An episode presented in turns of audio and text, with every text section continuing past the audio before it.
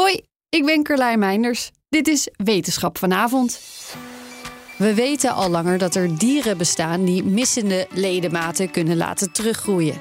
Hagedissen en platwormen zijn er bijvoorbeeld goed in. Krabben nemen soms zelfs expres afscheid van een van hun ledematen als ze daardoor een aanval overleven, om deze vervolgens weer te vervangen met een nieuwe. Maar toen Duitse onderzoekers een kleine achtpotige zeespin bestudeerden, zagen ze dat dit diertje niet alleen ledematen, maar ook andere lichaamsdelen kan laten teruggroeien. Voor de zeespinnen zelf moet het geen prettig experiment zijn geweest.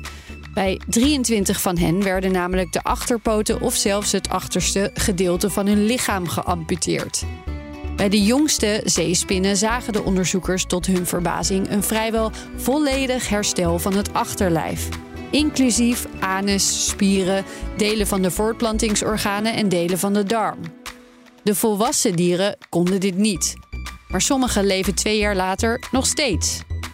Nu ze hebben gezien dat de dieren dit kunnen, is de volgende stap het begrijpen van het mechanisme erachter. Wat gebeurt er op moleculair niveau en waarom lukt het de jonge dieren wel, maar de oude niet? Is er een link met hoe ze een paar keer vervellen in hun leven? Hun hoop is natuurlijk dat ze met die kennis uiteindelijk weefselherstel bij mensen kunnen bevorderen. Want wij zelf zijn er als diersoort niet bepaald goed in. Is één minuutje wetenschap niet genoeg en wil je elke dag een wetenschapsnieuwtje? Abonneer je dan op Wetenschap vandaag. Ook Diana Matroos vind je in de BNR-app. Ja, inderdaad. Je kunt live naar mij luisteren tijdens de Big Five. Ook handig in de BNR-app. Breaking nieuwsmeldingen, maar ook het allerlaatste zakelijke nieuws. En je vindt in de app alle BNR-podcasts, waaronder Wetenschap Vandaag. Download nu de gratis BNR-app en blijf scherp.